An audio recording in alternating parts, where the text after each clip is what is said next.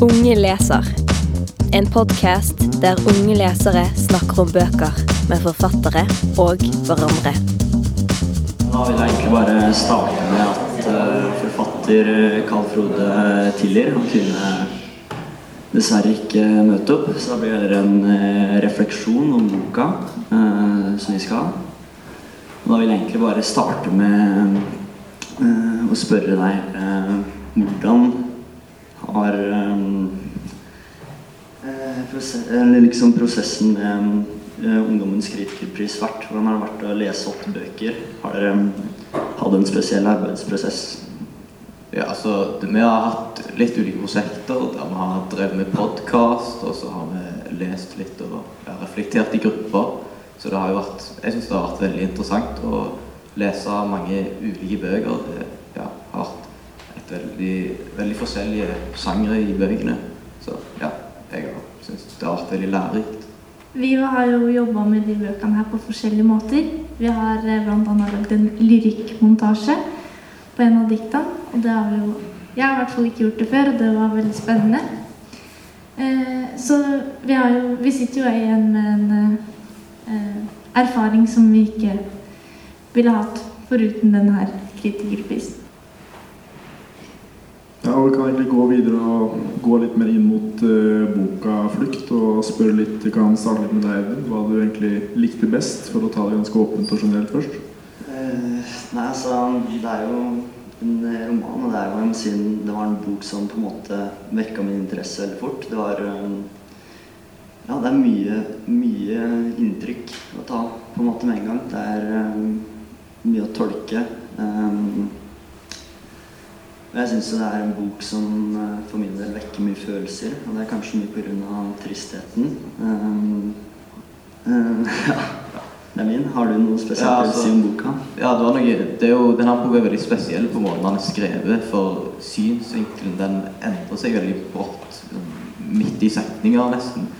Og det gjør jo at du må følge litt ekstra godt med for, for å skjønne hvem, hvem det er som forteller nå, og hvem er det handlingen handler om nå. Og det syns jeg var veldig interessant, og en ja, veldig unik måte å skrive en bok på, som gjorde den ekstra god. Man måtte liksom følge med hele tida, fordi som du sa, så skifta fortellerstemmen midt i setninger. Og jeg har i hvert fall ikke vært borti bøker som har gjort det samme, så det var jo veldig unikt, sånn som du sier. Det tror jeg gjorde et særpreg på den boka her, som ikke de andre har, da. Ja, egentlig det er sånn Spesielt når du leser boka, kjente jeg sånn personlig selv at du må ha veldig korte økter. Skal du klare å henge med ganske gjennom hele, for det skifter veldig brått, og det er ganske små detaljer, og det er lett at du egentlig glemmer deg om å tenke på hva som er faktisk skjer her, og hva som egentlig foregår nærmest i en slags søvnparalyse. Så det er jo ganske små mm, forskjeller, og, men som utgjør en stor forskjell i bokas handling. Ja, så, altså bok handler jo om disse to foreldreparet som har mista barnet sitt og skal feire julaften. Men så Ja. Det har på, etter de mista barnet sitt, så har de, de har gått litt fra hverandre. Men så føler de da at han blir på en måte At han på en, på en ja, Med et preg av urealisme så har han Han har ført de sammen igjen. Og, så, men hva vil dere si er det viktigste temaet i boka? Mm, Det jeg vil si, er egentlig at um, du ser veldig mye hvordan de takler uh, sorg. eh, måte, og det å miste et barn det er jo kanskje det verste som kan skje en forelder. Og det er jo veldig forskjell på hvordan de takler den situasjonen. Og det, mm, det syns jeg du får et ganske bra innblikk av i uh, boka. Og mm, ja, egentlig er det som kom først hos meg. Så lurer jeg på hva syns du, eller på en måte, hva har det å si for handlinga av boka at eh, dette foregår på julaften? Det har jeg noen tanker om. Hva tenker du? Ja, altså, det, julaften det er, jo en, det er jo på en måte en tid som handler veldig mye om familie. Så det at, det at eh, etter de mista barnet, så har de på en måte ikke vært en familie lenger. De har ikke, de har ikke hatt så mye tid sammen etter det skjedde. Men så allikevel, så på en eller annen måte, så klarer alle tre å bli ført sammen igjen den, med denne urealismen da, som gjør at han fortsatt at Johannes fortsatt er i dem og fortsatt snakker til dem. Så jeg syns det, ja, det er en veldig bra måte å vise hvor viktig familie er i den boka. kanskje. Ja, for jula er jo egentlig en sånn eh, Mange syns det er en fin høytid, og mange syns den også er vanskelig. Og den her viser virkelig hvordan det er eh, vanskelig for mange som har opplevd vonde ting og sånn. Så jeg syns det belyser et eh, viktig tema som kanskje blir litt glemt når det er julehøytid og sånn. Så det syns jeg var fint med den boka. Ja, det, Du tenker ikke så mye over det før kanskje litt etterkant egentlig mot slutten av boka at det faktisk er julaften jeg foregår på. og Da får du litt mer refleksjon over eh, som vi sier, hvor viktig familie er, og hvor tydelig det kommer fram i en sånn høytid. Da. At det, det kan hva skal du si, samle ganske mye tanker på en gang og være med og nøste opp i ting som er ganske viktig i folks liv. Da. Eh, Jeg skal lese et utdrag fra baksida av boka. Eh, Flukt skildrer forholdet mellom eh, de levende og døde og strekker seg et stykke utover det vi til vanlig oppfatter som realisme. Du ser at Carl Frode Tiller skriver på en måte måte skille mellom den søvnparalysen og ekte. Hvordan syns du det er å på en måte lese og prøve å forstå boka? For det kan skjønne at forfatterskapet hans kan være vanskelig å forstå for mange. Ja, så ja, du, du merker det jo veldig godt med måten han bytter synsvinkel på.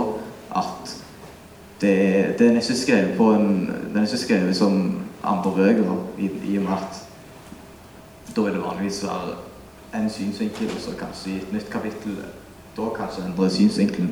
Men her er det så å si midt i setninger det endres. Som, som da viser, som viser dette med at gjennom hele boka så er på en måte Johannes Han bringer alle tre sammen, sånn at de, de, opplever, de opplever de samme tingene gjennom hele boka. Ja, det viser at han fortsatt er med dem. Jeg leste noe om at eh, forfatteren hadde sjøl opplevd eh, sånne søvnparalyser. Tror dere det er eh, viktig for boka at man han liksom setter ord på sånne ting som kanskje ikke er så vanlig?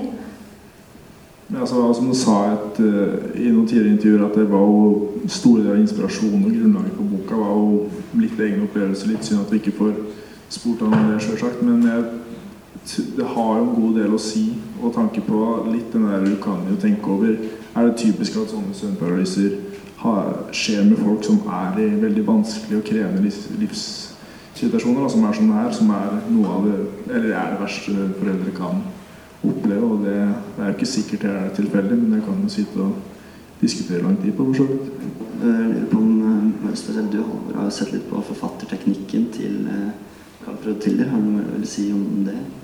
Ja, som jeg har sagt litt før, det her blir veldig kall det spesielt, så, hvert fall sånn ut fra hvordan vi har lært opp gjennom skolegangen vår. Det er jo ikke Det er litt spesielt hvor lenge Som vi sier, altså det bytter synsvinkel veldig hyppig veldig ofte. Samtidig så er det jo eksempler på der eh, det er jo ikke tydelig skille mellom setninger før over flere sider. Starten av boka så husker jeg ikke helt sidetallet, men det er jo Det starter med, med at Elisabeth setter seg ved piano og skildrer hvordan hun opplever det. Og det strekker seg over nærmest en og annen side, og det syns jeg er ganske spesielt. Og du fanger en ganske bra opplevelse fra deg som leser. Da. At du følger med gjennom hele, for du vil jo ikke gi deg midt i en setning. på en måte. Så jeg tror det har uh, veldig mye å si. Jeg vet ikke hvordan du tenker angående forfatterteknikken din. Ja, jeg synes det, det gjør det Måten han skriver på, gjør det mye mer engasjerende. På en måte alltid Du er nødt til å alltid følge med hva som skjer. og Du vil alltid få med deg hva som skjer når han skriver det på en sånn måte at handlingen går over tre forskjellige personer. Men det er på en måte Overgangene er så De er så fine at det, ja, det er veldig lett å henge med.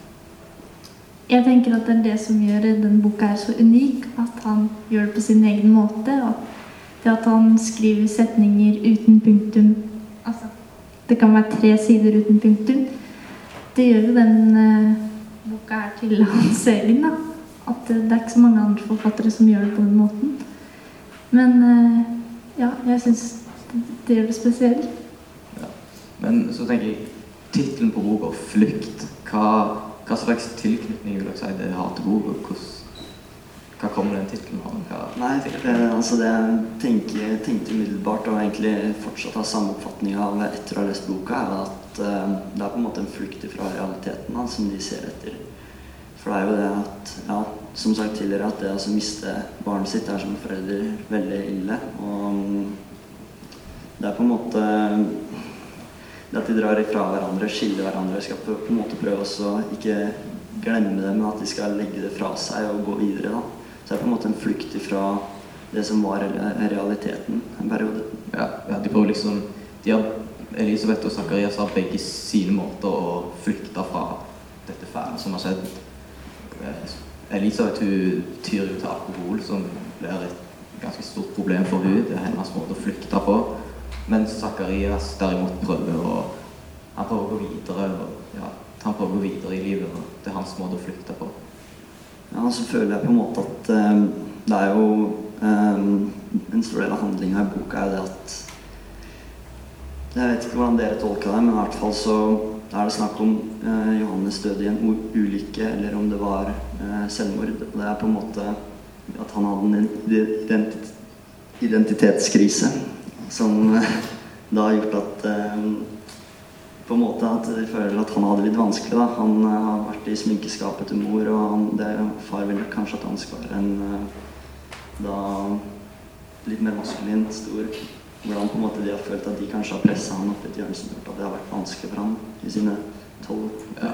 ja, for Johannes han prøver liksom òg å flykte fra sin egentlige identitet. Fordi han føler seg at han blir Hvis han skal være seg sjøl, så føler han at han kommer til å bli akseptert. Og da ja, prøver han da å flykte fra det og prøve å være en annen person enn hvem Johannes egentlig er. Jeg tenker mye med samme der identiteten. og Det er som du sier at vi får tre ulike perspektiver på hvordan du kan altså, flykte fra ting. da.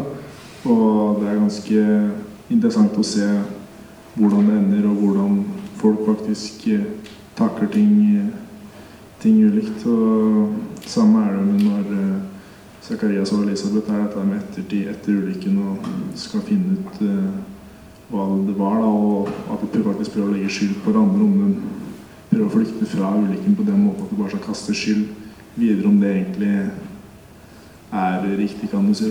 Det er jo ganske vanskelig. Mm, boka viser absolutt at folk kan eh, takle sånne sorgprosesser på forskjellig måte. Sånn som mora og faren. Altså det er jo helt to forskjellige måter de takler den prosessen på. Og eh, boka blir jo mer unik med at det er så personlig hvordan folk takler sånn sorg og personlige kriser og ja. Eh, Jeg kan si at jeg på en måte Jeg har ikke lest noen av de tidligere bøkene til eh, Carl Frode. Og det er på en måte eh, tydelig at 'Flukt' er jo en bok hvor han tar forfatterskapet sitt til et nytt nivå. da. Han, på en måte, eh, altså han skriver jo på en måte en vanskeligere og kanskje en litt mer eh, tolkende bok da, enn den han har gjort før. Og det er tydelig at han har lykkes veldig med det, hvis man ser på anmeldelser. Altså. Ja, men så Altså, mye av det som skjer i boka, er jo ganske aktuelt. Men til ja, hva grad vil dere si er det aktuelt, det som skjer, og hva, hva er det som er aktuelt med denne boka i dag? Det er jo veldig aktuelt med han Johannes, da. Som eh, opplever det at han eh, som sagt er sminkeskap til mor. Og det er jo kanskje mange som føler på akkurat det her. Da ikke helt vet hvem de er, og kjenner på det i ungdomsårene og sånn. Så jeg, det er en veldig dagsaktuell bok som eh, har eh, viktige temaer som ungdommer kanskje spesielt blir berørt av og tenker på. Det er altså veldig interessant å se hvordan foreldre reagerer på det her, og hvordan de skal hjelpe sønnen sin da, på en sånn måte. For det er jo ikke bare bare for en som er så ung og veldig usikker på seg sjøl, mange måter skal klare å snakke med sine egne foreldre ellers. Så det er jo interessant å se hvordan foreldrene også takler det i så måte. Og det er også litt synd å se at de realiserer mye av det i ettertid. Men det er ofte sånn som vi er som mennesker, at det blir ekte etterpåklokskapens lys. Så det er eh, interessant å se. Det er så interessant å se på en måte hvordan eh, to personer som de har vært stått sånn her, da, og hvordan de på en måte har eh, dratt ifra hverandre og lagt skyld på hverandre, kan man si at de mener at den ene er bedre foreldre enn den andre. Det er jo en, klar diskusjon eh, gjennom boka. Og um, egentlig hvordan de da kan møtes igjen på julaften og på en måte være sammen og støtte hverandre gjennom det her, er jo også interessant, syns jeg. Ja, ja for det, du sier jo at det, det at de, det er ikke før mot slutten av boka at de innser alle disse problemene Johannes faktisk hadde, og at han ikke følte han kunne Han kunne, han kunne ikke fortelle dem det. Så det får jo de til å angre veldig mye på måten de har, de har ja, vært med ham, og det de, hvordan de ikke har hjulpet han. Som igjen fører med at de går mot hverandre og begynner å krangle og går fra hverandre, som egentlig bare gjør ting verre. Da ser det ut som at eh, vi har brukt tida vår, så takk for praten.